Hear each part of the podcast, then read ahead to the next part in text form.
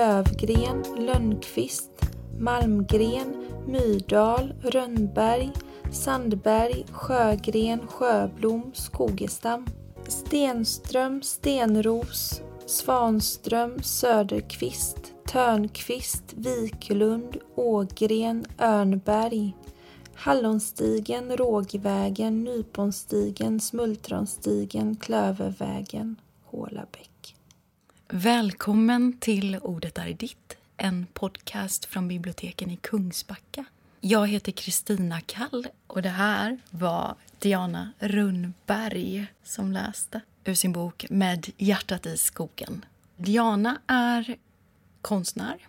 För det första är hon från Kungsbacka från början. Hon är konstnär och hon har doktorerat i intermedialitet. Hon är också musiker och då utgör hon den ena parten i Combicats som både gör musik och konst. Som sagt, du är från Kungsbacka så du har gått gymnasiet här. Mm. Vad gick du då? Estetisk musik. Mm.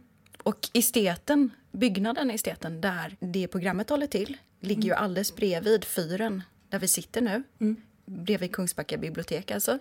Har du varit här mycket då? Det har jag. Ehm, Jag har ju liksom spenderat en stor del av mitt liv här och eh, under hela gymnasieperioden så gick vi ju liksom mellan Fyren och Öranäs gymnasiet så det var liksom man fick vandra liksom mellan de här två byggnaderna väldigt mycket. Och de flesta utav våra musik, alltså den mesta utav vår musikundervisning pågick ju här, även lite på esteten. Så... Men här menar du på fyren? Ja, precis. Och nu så är du tillbaka i Kungsbacka. Du har bott i Polen i massa år. Mm. Först ska jag bara nämna att du är med här främst på grund av en anledning som vi ska prata om. Det är med din bok som heter Med hjärtat i skogen. Mm. Som handlar om... Ja, vad handlar den om? Den handlar om hur eh, skogen och naturen har påverkat svensk kultur, mentalitet och språk. Mm. Yes. Och det är den vi ska prata om. Men nu är du tillbaka efter tio år i Polen, eller? Ja, typ. Ja, typ. säga. Typ tio år. Mm. För du, det kan vi ju nämna, du är född i Polen Mm.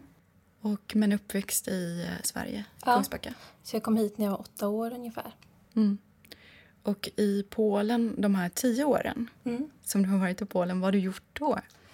Ehm, jag har rest omkring och så har jag tagit min master inom fotografi på en konsthögskola i Poznań. Och sen så har jag doktorerat då inom intermedialitet i Gdańsk. Så att jag har ju liksom utbildat mig till konstnär där kan man väl säga. Mm. Hur är det att vara tillbaka i Kungsbacka? Det känns väldigt spännande faktiskt. Eh, Men det är klart att inom konstvärlden eller hela den här kreativa branschen så är ju kontakter och liksom så här rötter väldigt viktigt. Så att när jag kom tillbaka hit så var det ju för att jag längtade efter min familj, jag längtade liksom efter Sverige, efter liksom att, att, att leva här. Jag kände liksom en sån längtan inom mig. Samtidigt när man kommer tillbaka och när man har liksom befunnit sig så många år i ett annat land så märker man hur svårt det är att komma tillbaka. Hela min konstnärliga värld ligger på andra sidan havet. Så det var liksom väldigt svårt att, att komma tillbaka samtidigt som att jag var väldigt lycklig över att få vara här.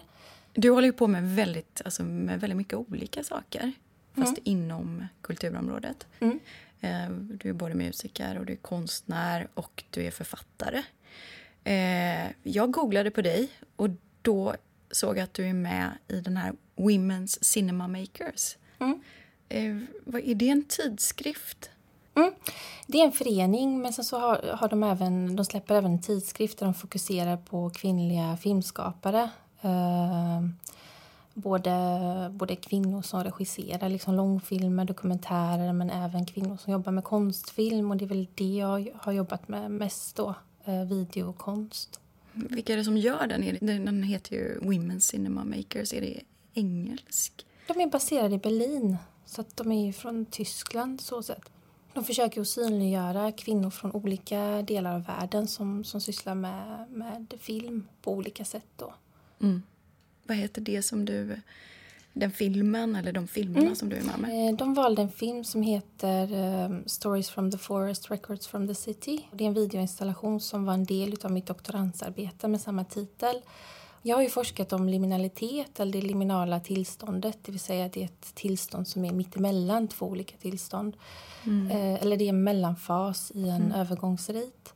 Till den här videoinstallationen har jag använt mig av eh, filmer, eller jag har ju filmat både i Kungsbacka och i Gdańsk i Polen för att visa ah. det här eh, hur det är att vara mellan två olika kulturer, mm. två olika språk. Så jag har skrivit en text som jag läser på både svenska, polska och engelska i den här videoinstallationen.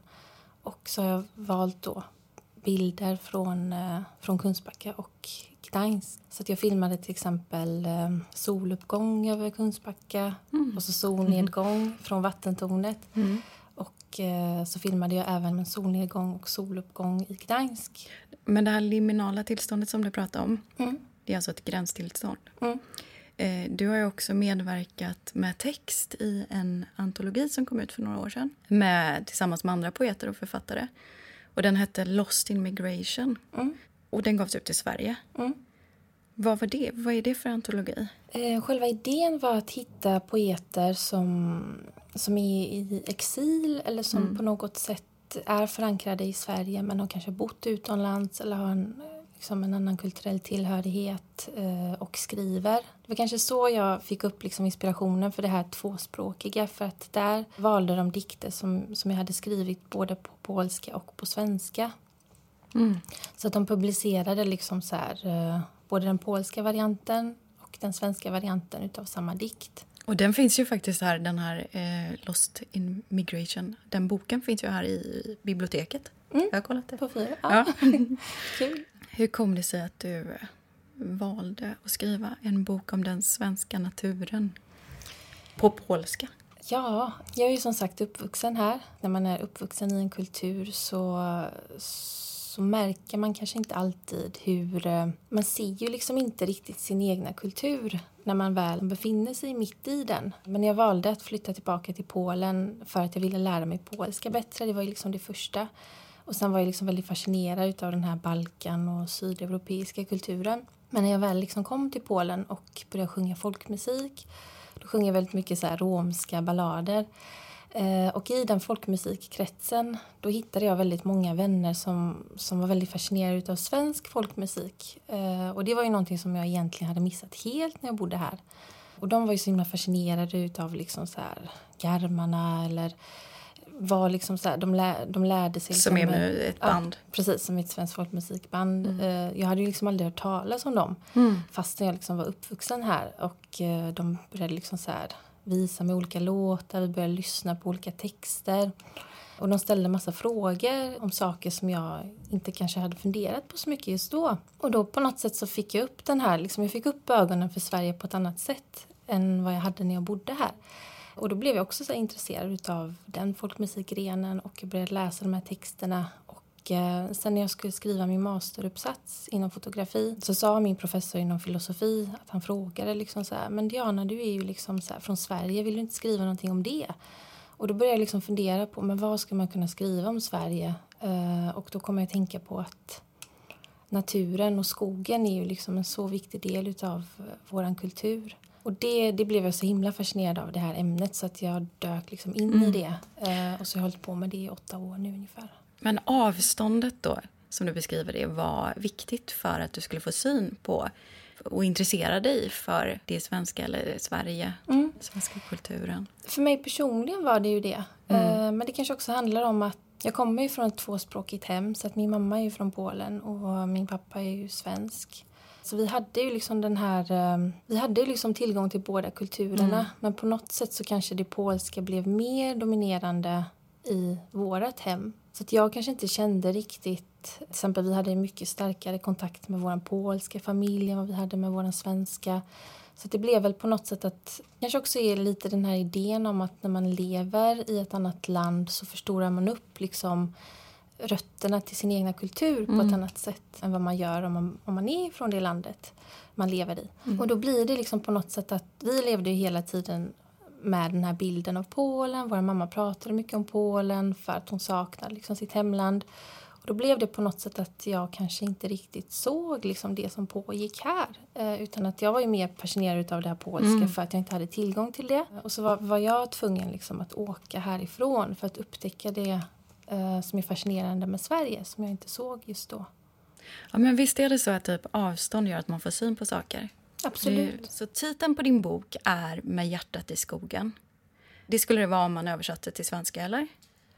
Ja, om jag, om jag liksom bestämde mig för att ha kvar det. Jag tycker att det låter bättre på polska än vad det gör på svenska. Det är väl också lite det här uh, lost in translation, att vissa ord eller meningar går ju inte riktigt att översätta. Och det är det som är så fascinerande med språk också. Att på polska låter det väldigt fint, så här, Det är väldigt så kort. Men man kan ju inte böja hjärta på samma sätt i det svenska språket. Så det hade väl egentligen, om man skulle liksom så översätta det ordagrant så kanske det hade blivit så här hjärtligen i skogen. Men det går inte mm. att säga så på, på svenska. Men tyngdkraften ligger liksom på det här emotionella, eh, den, det emotionella bandet som vi har till skog och natur. Boken inleds ju med ett citat från den svenska poeten Birgitta Trotsi. Mm. Har du lust att läsa upp det? Absolut. Livskänslan är ett virvlande träd. Det växer med sina rötter upp i ljuset och ner genom själens och kroppens alla dödsvarsel. Ljusblodet cirkulerar uppifrån och ner, ner och runt. I dödsbesvärjelseskogarna glöder ljuset starkast. Det är där kampen pågår. Mm. Och det var Birgitta Trotzig som eh, föddes i Göteborg eh, 1929. Hon var uppvuxen i Kristianstad dog i Lund för några år sedan, 2011. Mm. Och hon är ju en av våra största svenska poeter. Mm. Hon var medlem i Svenska Akademin också. Men Svenska Akademin har ju väldigt dåligt rykte i dessa dagar. Ja, eh, precis. det går ju inte att komma ifrån. Nej. Men varit Men någonting som har man har trott på i alla fall. Ja, och det har varit fantastiska människor som har mm. varit med där. Även om det har funnits några rötägg också. ja, men så är, så är det ju. Så är det. Men varför Birgitta Trotsi? Vad har hon betytt för dig? Jag älskar Birgitta Trotzig. Eh, hon har betytt jättemycket för mig. Ja. Eh, här valde jag det här citatet för att det är den här livskänslan att det är ett virvlande träd. Mm. Jag tycker det beskriver väldigt mycket hur, eh, hur vi svenskar ser på träd och på naturen och på skogen. Att hela vårt liv liksom kretsar kring, kring träd och skogen. Mm, hur menar du då? För till skillnad från i andra länder, då, till exempel Polen? I Polen så har man ju jag tror att det beror lite på att eh, i Sverige har man ju alltid haft så stora avstånd människor emellan. Att naturen har ju varit så stor och överväldigande här. Och vi har alltid varit väldigt få människor som har bott här uppe i Skandinavien. Så det har gjort att man har liksom fått vandra väldigt länge genom skogen för att ta sig till sin granne eller sin käraste eller till liksom den andra. Medan i andra europeiska länder då dels att det har varit varmare klimat så man har kunnat bo mycket närmare. Eh, det finns en hel del forskare som har sagt att vi arbetade fram väldigt, väldigt sent liksom den här strukturen med torg, alltså en central mm. mötesplats liksom i centrum av stan. Den har liksom inte förekommit här utan man har ju liksom så träffats på bondgårdarna. Mm. Och eh, vi har haft större närhet till naturen än till, liksom, till den andra människan. Eh, kan ah, säga du så. tänker så. Ja, men det är ju väldigt intressant. Större närhet till naturen än till, till den andra människan. Mm. På sätt och vis. Mm. Du har mycket referenser till svensk poesi i din bok. Du har, liksom, du har Birgitta Trotsi som vi pratar om nu. Du har också Werner Aspenström. På tal om eh, svenska efternamn som jag vet att du tar upp i boken. Mm. Aspenström. Ja, precis. Du har ju också ett sånt namn. Ja. Rönnberg. Ja, precis. Ja. Men du tar också upp Tegnér. Eh, Karin, Karin Boye. Mm. Edith Södergran. Mm. Du har översatt Karin Boyes dikt Trädet till polska. Mm. Och den finns i din bok. Och... jag älskar verkligen den dikten. Den betyder väldigt mycket för mig. Eh, för att hon beskriver liksom ett träd som hon ser från sitt fönster. Eh, och jag känner också igen det från mitt liv. Att jag har ju bott i väldigt många olika rum under alla de här åren. I olika lägenheter, i olika liksom, eh, både polska och svenska städer. Men någonting som har varit gemensamt är just det här liksom, trädet som befinner sig ofta utanför fönstret. Och till exempel när jag skrev liksom den här boken i masterform så hade jag liksom ett träd som, som också växte precis utanför mitt ah. fönster och som kastade skuggor. Eh, och jag läste det och det var verkligen så där eh, att jag kände liksom på något sätt samhörighet med mm. henne. Att hon hade ett träd som vakade över mm. henne. Så, eh. så var man än är eh, på jorden så kan det alltid finnas ett träd där som man kan förhålla sig till. Absolut. Eller ha som sin vän nästan. Ja, det tror jag verkligen. Mm. Man kan känna samhörighet med andra som har tittat på träd från sina fönster i ja. alla tider, på alla platser. Precis, det tror jag mm. verkligen. Och att man kan ha det här att man kan ha liksom den här eh, emotionella relationen till träd som, som är så beständiga att man kan, eh, man kan besöka till exempel en stad eller en plats efter flera år och se hur mycket som har förändrats. Det liksom så här uppstår mm. nya byggnader, människor förändras, som flyttar på sig men så har man liksom det där trädet eller de träden som, som växer mm. Eh, och som fortfarande finns kvar. Och i Wienerwald står träden kvar. Eh, det är en väldigt fin bok som jag kan rekommendera. Den eh, fick Augustpriset för bästa fackbok 2011. Men det är som en roman. Fakta och fiktion. Men trädet är ju på något sätt symbolen för liv och det är, inger hopp. Oavsett eh, kanske i vilken situation man befinner sig i. Om det finns träd kvar. Och träden lever ju faktiskt för det mesta längre än vad vi människor gör. Mm. Det är väl lite det som är sådär lite fascinerande. Kan kännas lite orättvist också för vissa. Men att, att man kan ha träd som kan vara flera hundra år gamla medan våra liv blir ju väldigt korta eh, om man jämför med dem. Mm. Eller med deras liv. Ja, träden står där som vittnen till väldigt mycket. Alltså det heter ju Om väggar kunde tala. Men det kanske borde, man kanske borde säga om träd kunde tala.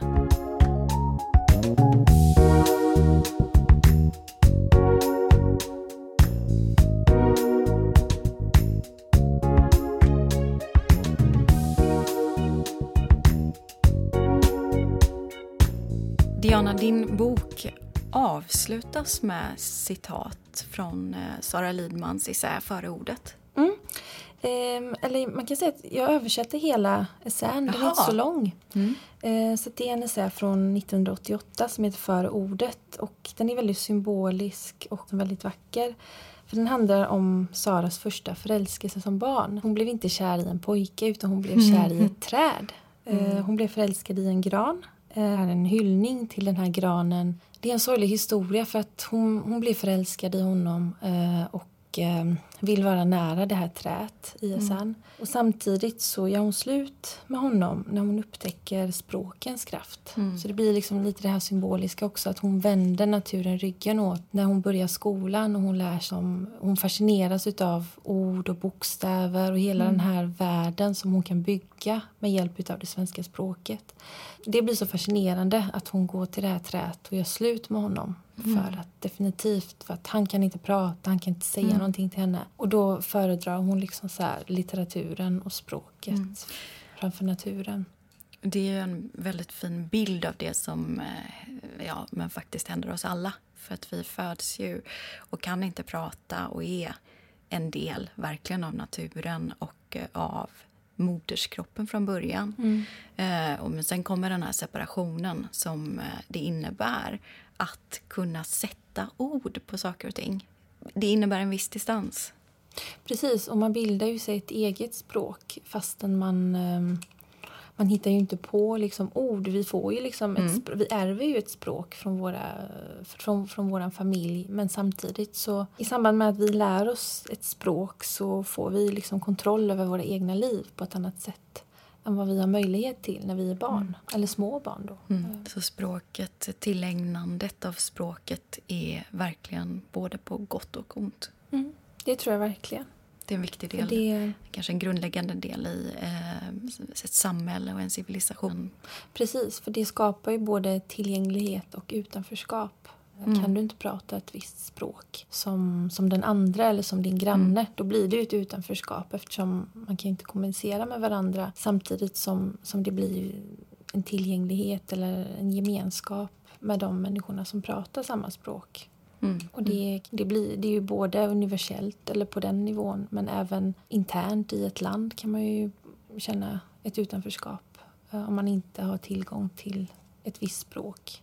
Mm. Ett mm. visst språk som talas i en viss grupp. Precis, kanske. eller inom en viss krets. Ja. Så är det ju liksom i många kulturer. Eller bara det här när man hör ibland folk prata om, speciellt i Polen, liksom folk som har vuxit upp på landsbygden. Att när de kommer in till stan så känner de ju på något sätt att det är lite främmande. Mm. Dels liksom stadsstrukturen men även liksom språket. Att de kanske mm. har talat ett helt annat språk hemma. Och helt plötsligt ska de in i kanske den akademiska världen och den har ju sitt språk mm. Eh, och sin struktur. Och där kan man ju bli avslöjad. Och även då om man är född i ett annat land och man uttalar ord på ett annat sätt än vad man är van vid att höra. Det finns ju den här ehm. klassiska alltså shibboleth som eh, är ett ord eller en fras som genast kan avslöja mm. vem den som talar är och placera den på rätt eller fel sida om mm. gränsen. Mm.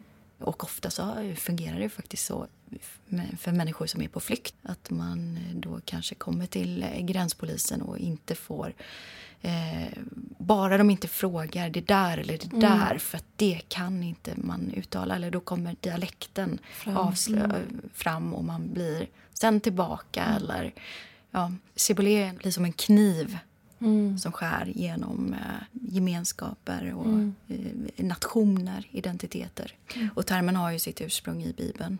Kan du berätta lite om hur den här boken är uppbyggd?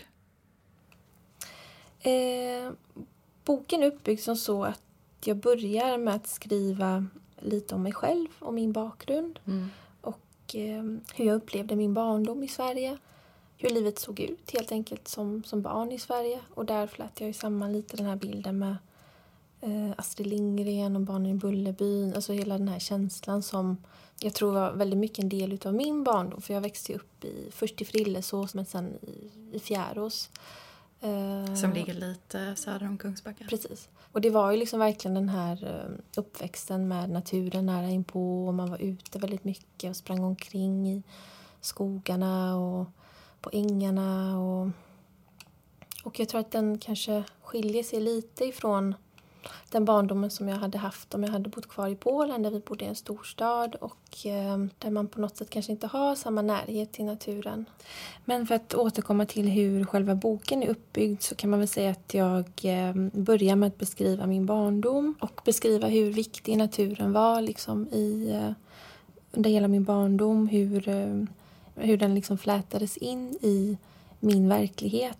Och då, då kommer jag bland annat in på sommarpsalmerna som man sjunger i kyrkan mm. eh, under skolavslutningen som, som är en hyllning till naturen. Eh, när man går i kyrkan i Polen så sjunger man liksom om Jesus som Gud.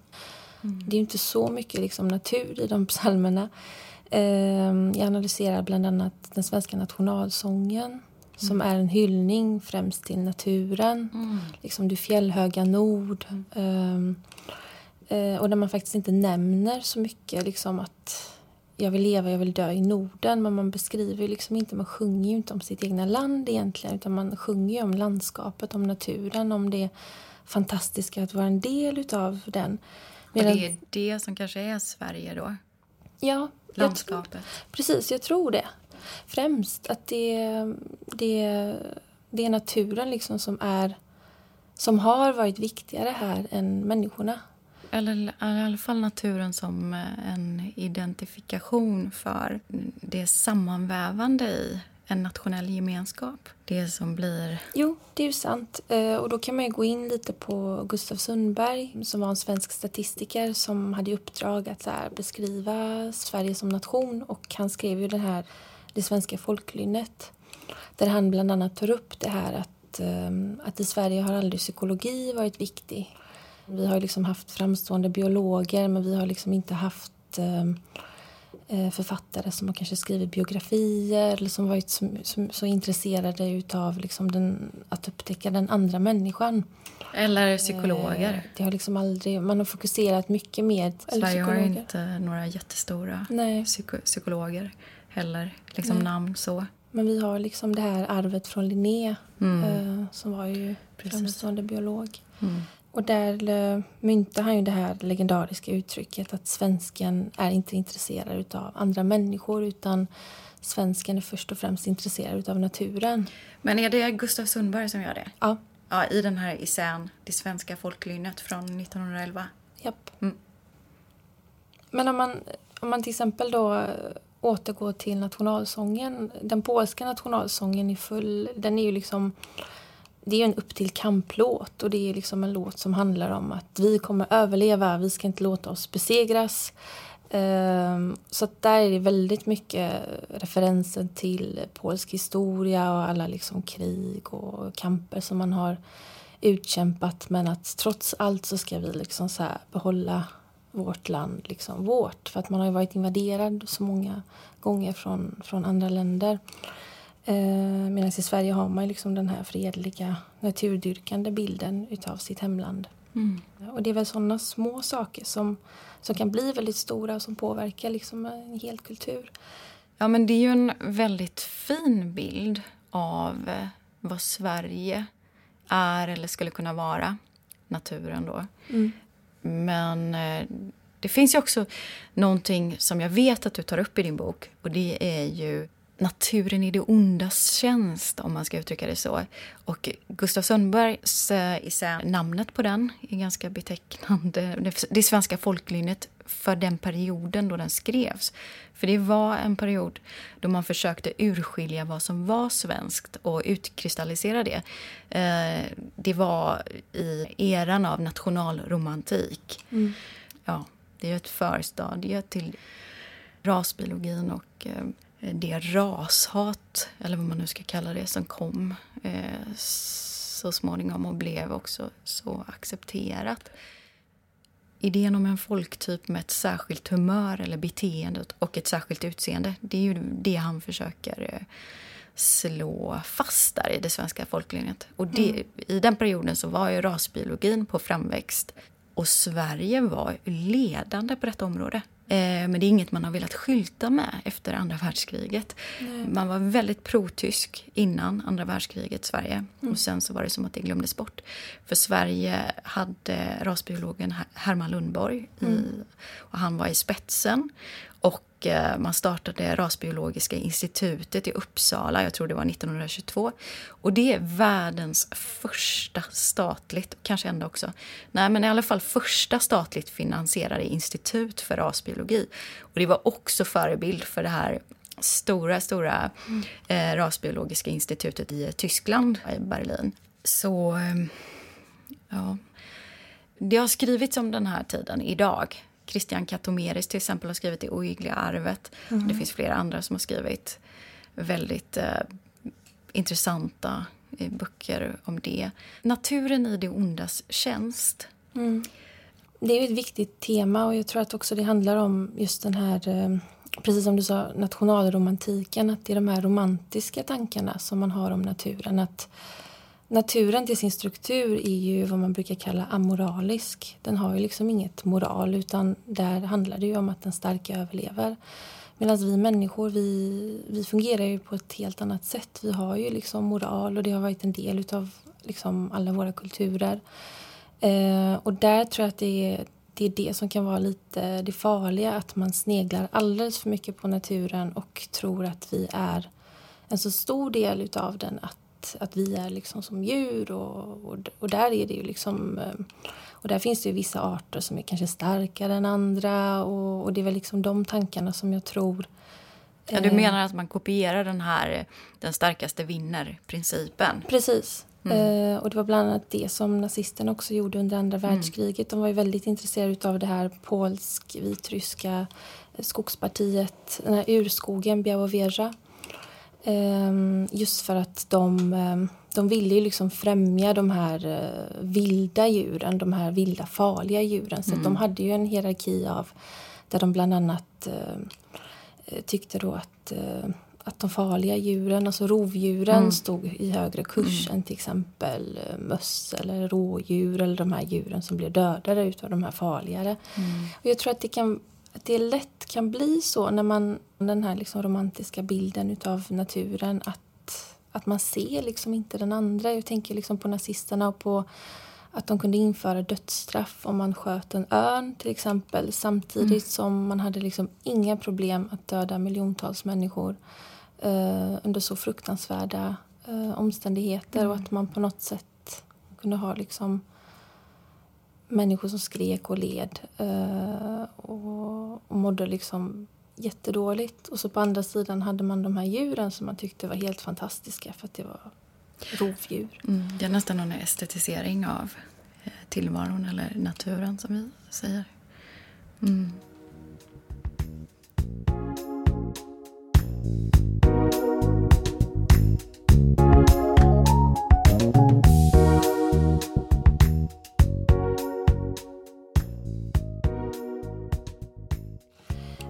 Så jag gjorde bland annat en, en liten resa till eh, Fågelviken som ligger på Härnäset utanför Lysekil. Där den så kallade Hitlerstenen ligger eh, mm. fortfarande. Eh, för det var nämligen så här att... Eh, Vad är Hitlerstenen för något? Eh, ja, precis. Mm. Men Hitler hade ju sina storsinta planer på att liksom ta över hela världen och Berlin skulle bli världens huvudstad. Eh, och då behövde han ju liksom så den finaste stenen till att bygga alla de här fantastiska gatorna. Och eh, de hörde av sig till flera olika europeiska länder men så kom de fram till att den finaste, liksom den bästa graniten den, den låg liksom i Sverige och speciellt i Bohuslän eller liksom på västkusten. Så då, så då började de ju liksom mm, samarbeta med eh, stenhuggerierna i Sverige och beställde då granitblock. Eh, så att under flera år så pågick ju det här, eh, den här handeln utav, eh, utav granit. Um, och eh, utanför Fågelviken så finns det, fortfarande, alltså finns det fortfarande kvar de här blocken utav granit, eh, de här kuberna av sten som ligger liksom där ute som, som kallades då för Hitlerstenen för det var den stenen som importerades då till Tyskland. Det är inte så många som känner till det och, och den stenen ligger fortfarande kvar där. Var exakt ligger det? Fågelviken ja. på Härnäset. Det ligger vid Lysekil. Mm. Nej, det är inte så många som känner till det. Jag har varit i de trakterna mycket, men jag känner inte till det. Och Det är kanske inte det som man heller lyfter fram Nej. i turistbroschyrer. Så här, kom och titta på Hitlerstenen. Nej. Nej, men... Ute på Fågelvik, ja. alltså när, man ser, när man hör de här vackra svenska liksom, namnen. namnen. Fågelviken och så Hitlerstenen. Ja, precis det är väl lite den här dubbelsidiga naturen som, som vi har här i Sverige. Mm. Det här mysiga, fina och sen så det som, som är lite farligt eller som är skamligt eller som, som, som är... Um, det, det ligger liksom dolt under ytan, det tar man liksom inte fram. Nej. Mm. Och det är väl kanske därifrån också alla de här uh, deckarna kommer ifrån. Liksom just det här det här mörka, dolda som, som, som befinner sig liksom bakom mm. de här fågelviken, lingonstigen. Att då kommer ju liksom de här brutala mördarna fram. Det är undertryckta. Mm. Den handlar ju mycket om, om en nostalgi mot någonting som, man hade, som hade gått förlorat. Att man mm. ville liksom på något sätt tillbaka till naturen och att man, ville, uh, att man blev så inspirerad utav, uh, utav det sättet Fast inte bara någonting som har gått förlorat utan också någonting som faktiskt aldrig hade funnits i vissa fall. Dalarna blev ju väldigt glorifierat. Ja. Eh, och eh, iscensattes i massvis av bilder. Mm. Dels i målningar men också fotografier och när man skulle mm, visa upp Sverige utåt och ta fram den här svenska eh, rastypen då, som det hette, mm. så var det, så iscensatte man eh, på ett sätt som förmodligen aldrig riktigt har existerat. Nej. Det är det jag menar. Liksom. Ja. Man skapar en kult kring någonting. Och det är ju också det som är lite farligt.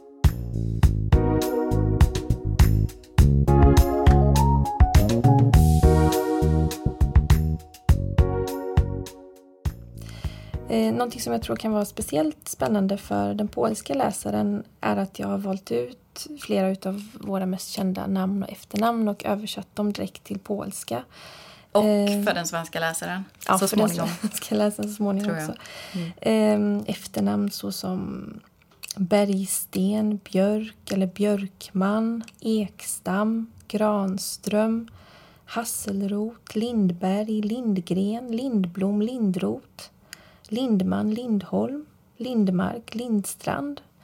Alltså det är så många olika mm. varianter på, eh, på till exempel Lind i det här fall, fallet. Då.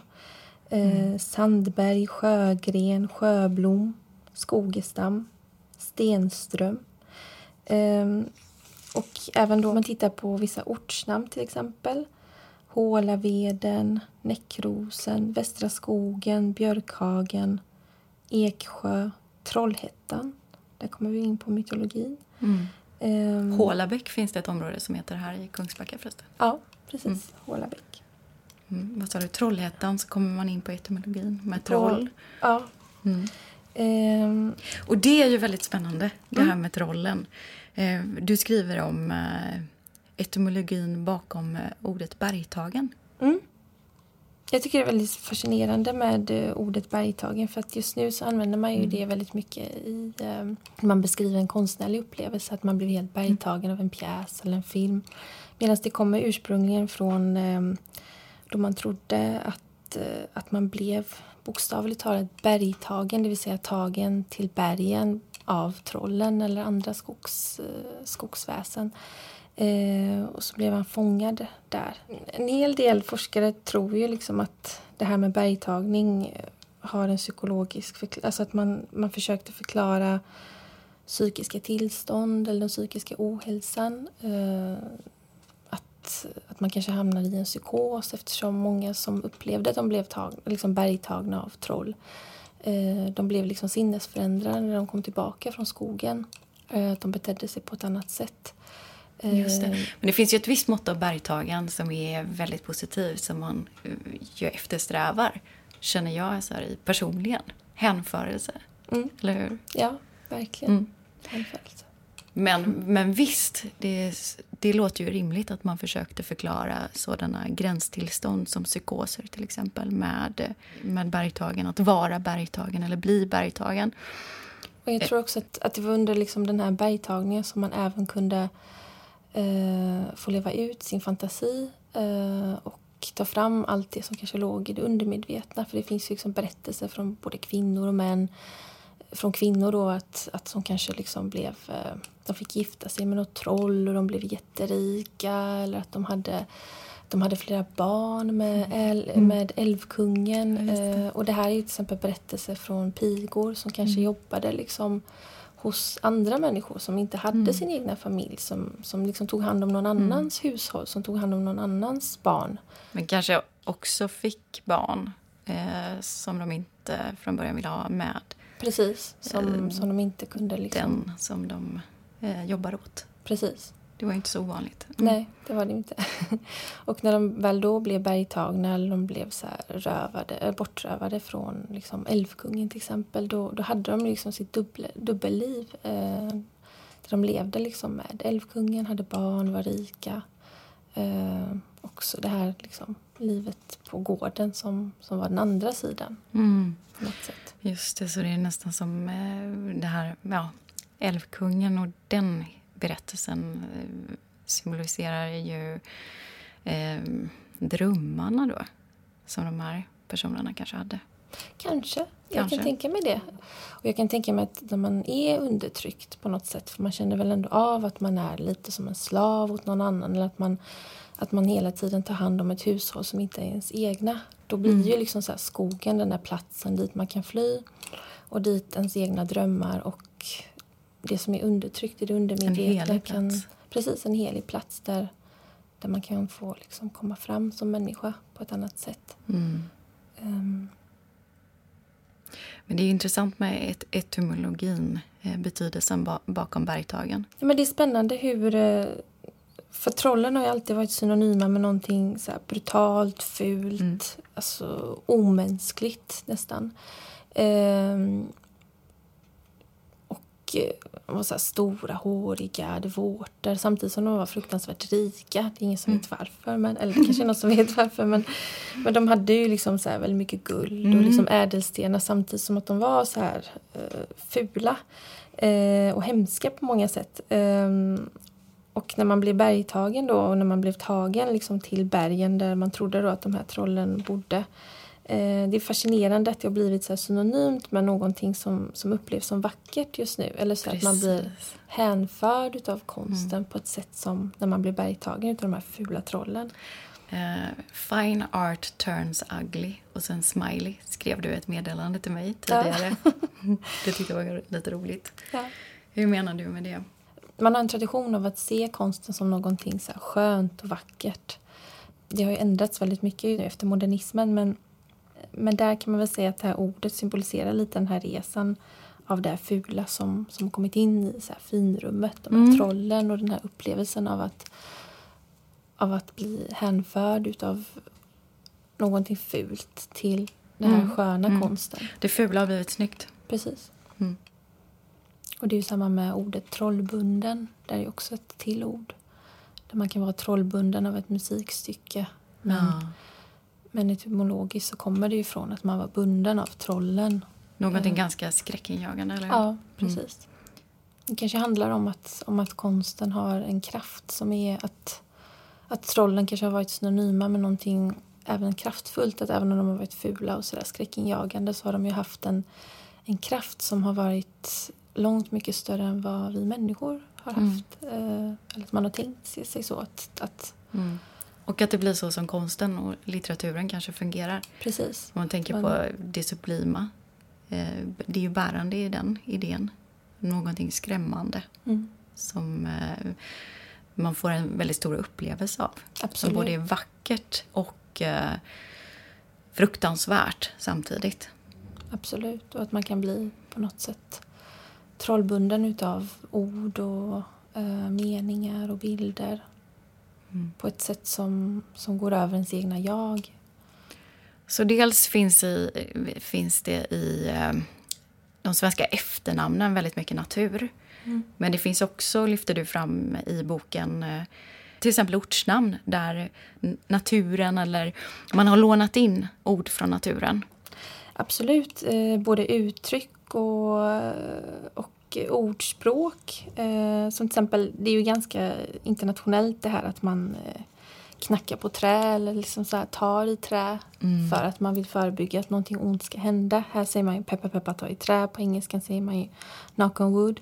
Mm. Eh, och sen så har vi till exempel uttryck som eh, som jag då översatt till polska bara för att jag ville liksom på något sätt visa eller jag ville få den polska läsaren att få känna på hur det hade kunnat vara om vi hade använt oss av de orden i Polen, i det mm. polska språket på samma sätt. Och om det ens går att översätta till exempel morgonkvist, kvällskvist, dysterkvist, solokvist.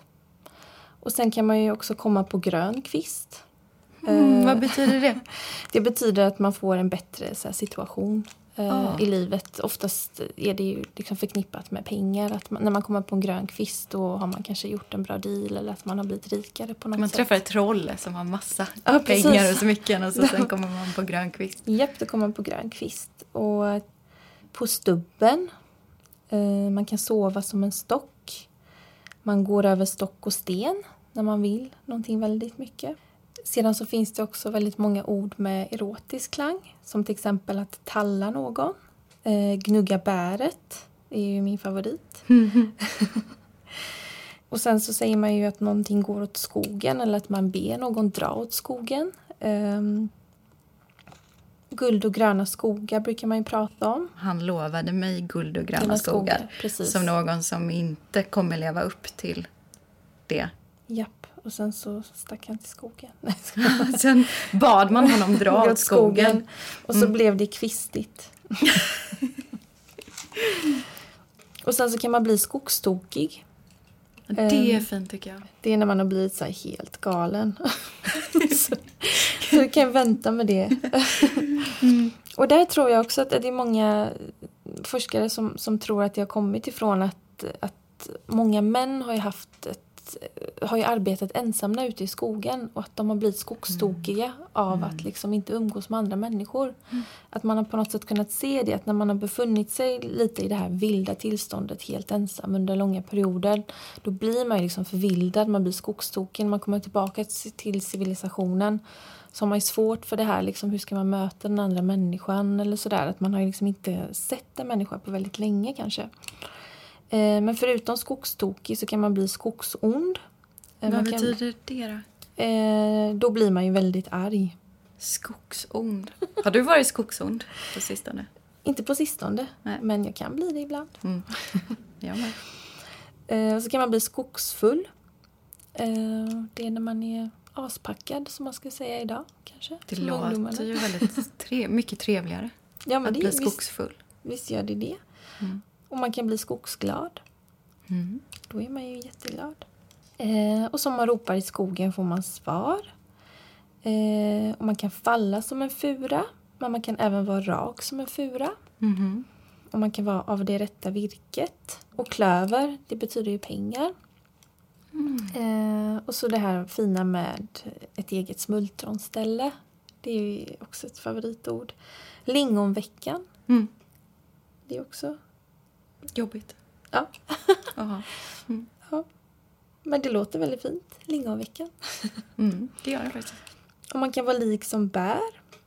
Och man har en buske mellan benen, men det är ganska så internationellt. Det tror jag mm. att man använder ja, även i engelskan. Eh, och blommor och bin pratar man ju om. Så kan man ha alla taggarna utåt.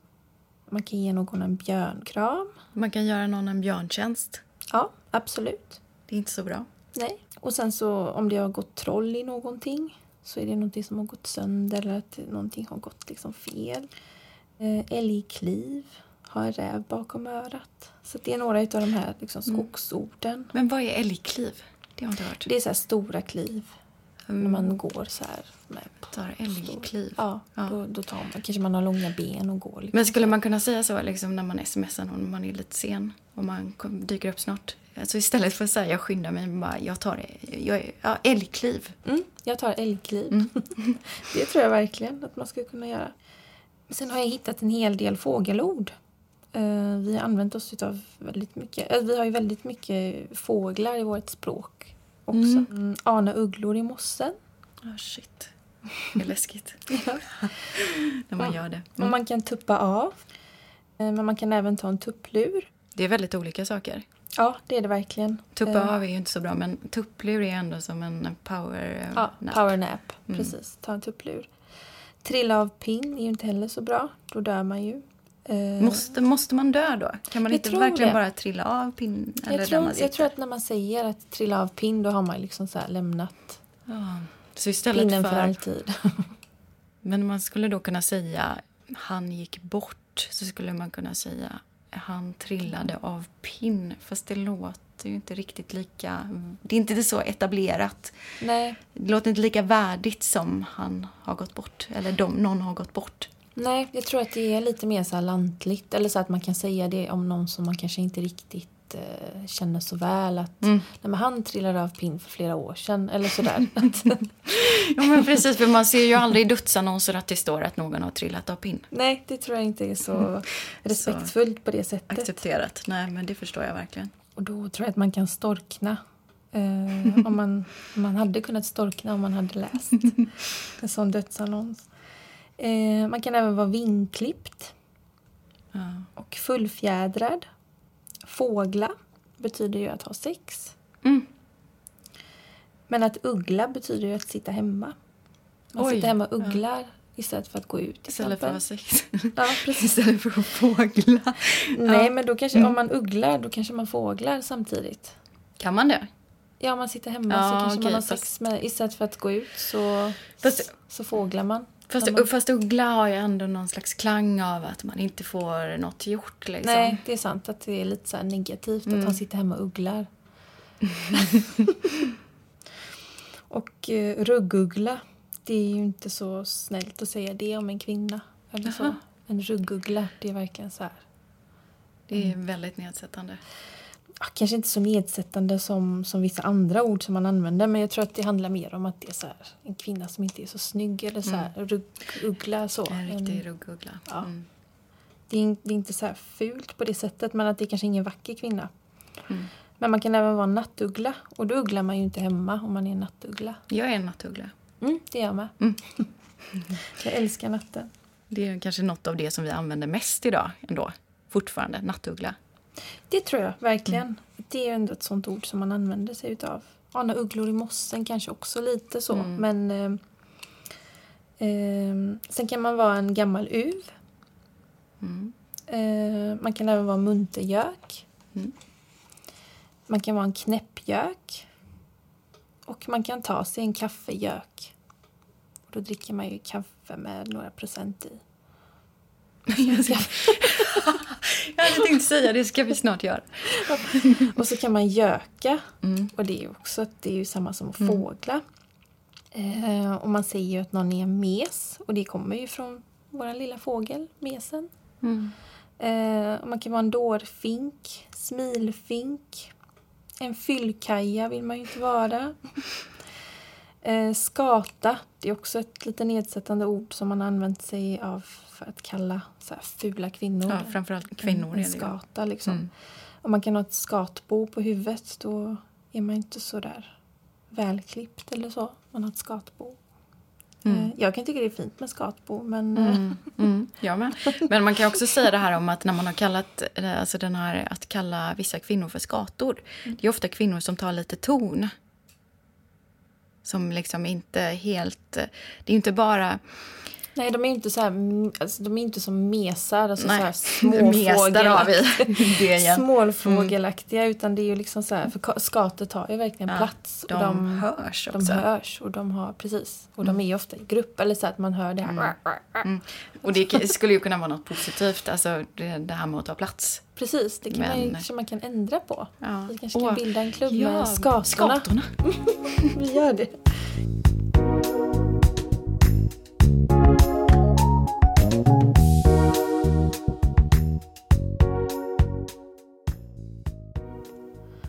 Kråkor säger man ju till eh, Snor. snor som kommer ur näsan. Eh, kråkvinkel Mm. kan man bo i.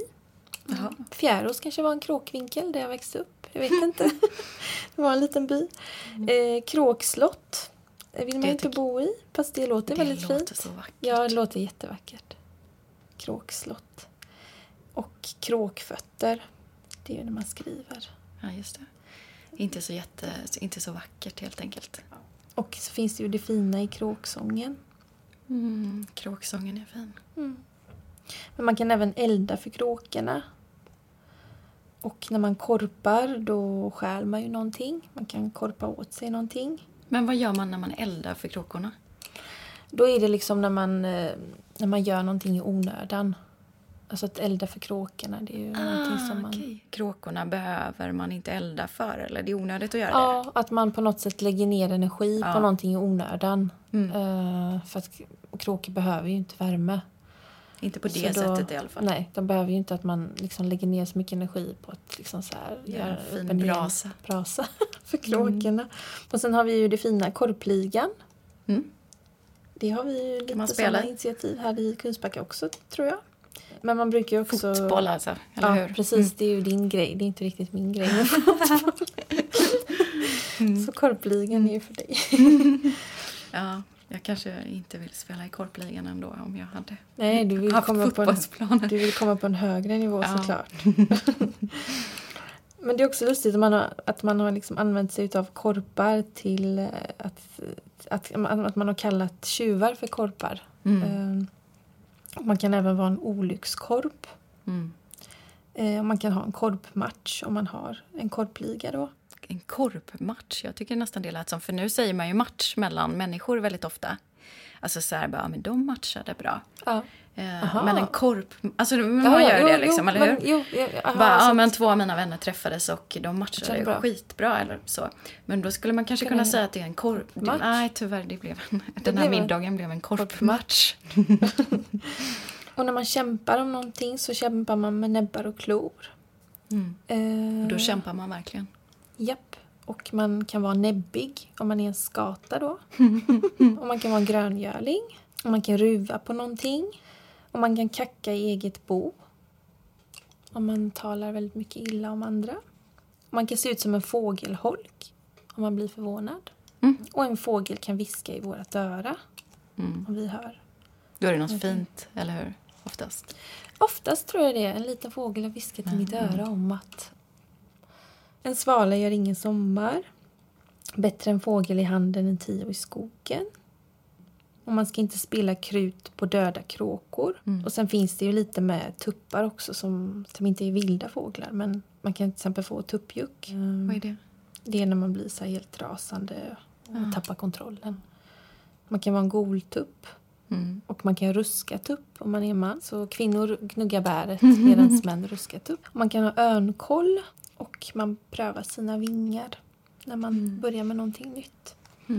Mm. Så det är några av de här orden då som, som jag har hittat. Mm. Du, du har tidigare sagt att eh, fyren, här vi sitter nu och Mm. spelar in, eh, alltså biblioteken i Kungsbacka, det här är huvudbiblioteket, var en väldigt, har varit och är en väldigt viktig plats för dig. Du skrev delar av din bok här, den här boken som vi pratar om, Mm. eller du gjorde efterforskningar här i alla fall, så du har suttit här mycket. Absolut. Fyren och Fyrens bibliotek har varit verkligen en jätteviktig del utav mitt liv. Jag är ju uppvuxen i Fjärås och det ligger ju 10 kilometer utanför Kungsbacka. Det var liksom först när man kom in till stan, till Kungsbacka, som, som jag eh, fick tillgång till kulturen. Det här blev ju liksom en borg för kunskap och kultur som, som jag kände att jag kanske inte riktigt hade tillgång till när jag bodde i Fjärås. Och vi hade vårt lilla bibliotek som var fantastiskt det med. Men det var först här som jag fick upp liksom ögonen för hur storslaget det kan vara och att, den här liksom, att all den här kunskapen, alla de här författarna som har levt tidigare och som fortfarande lever, att de finns liksom inom räckhåll. Eh, och eftersom du och jag, vi, vi upplevde ju en barndom utan internet. Då man var verkligen tvungen att, att om man ville ha kunskap till någonting eller om man ville vara en del av någonting så var man ju tvungen att ha det fysiskt. Ehm, Som en bok till exempel. då. Precis, som en bok. Eh, nu kan man liksom googla, man kan ladda ner texter eller så på ett annat sätt så att man behöver inte ens gå hemifrån. Men Men det är lite synd. ja, jo, Då men absolut. kanske man bara sitter och ugglar helt enkelt. Precis, sitter hemma och ugglar. Istället för att pröva sina vingar. Ja. Liksom. För man kan ju träffa väldigt många människor i, i ett kulturhus som det här eller på ett bibliotek. Det tror jag verkligen. Och man kan även få tillgång till, eh, till kunskap som man kanske inte... Man kan gå till ett bibliotek och ha ett syfte men sen så liksom stöter man ju på andra saker under det besöket. Man kanske hittar böcker som man inte alls hade letat efter men som finns där liksom inom ett visst område. Mm. Det är som en resa. Precis, det blir som en resa. Och man vet aldrig riktigt var man kommer sluta. Eller, liksom, eller vad Vilka böcker man kommer Precis. gå därifrån med. vilka böcker man kommer Mm. gå därifrån med, var resan kommer sluta. Så att under gymnasiet så var det liksom min lilla tillflykt. När vi hade håltimme och sådär så brukar jag ofta sitta här på fyren och läsa poesi. Speciellt där nere Mm. tyckte jag om att sitta. Sen när jag väl liksom började arbetet med, med den här boken så har jag liksom suttit här och, och läst Mm.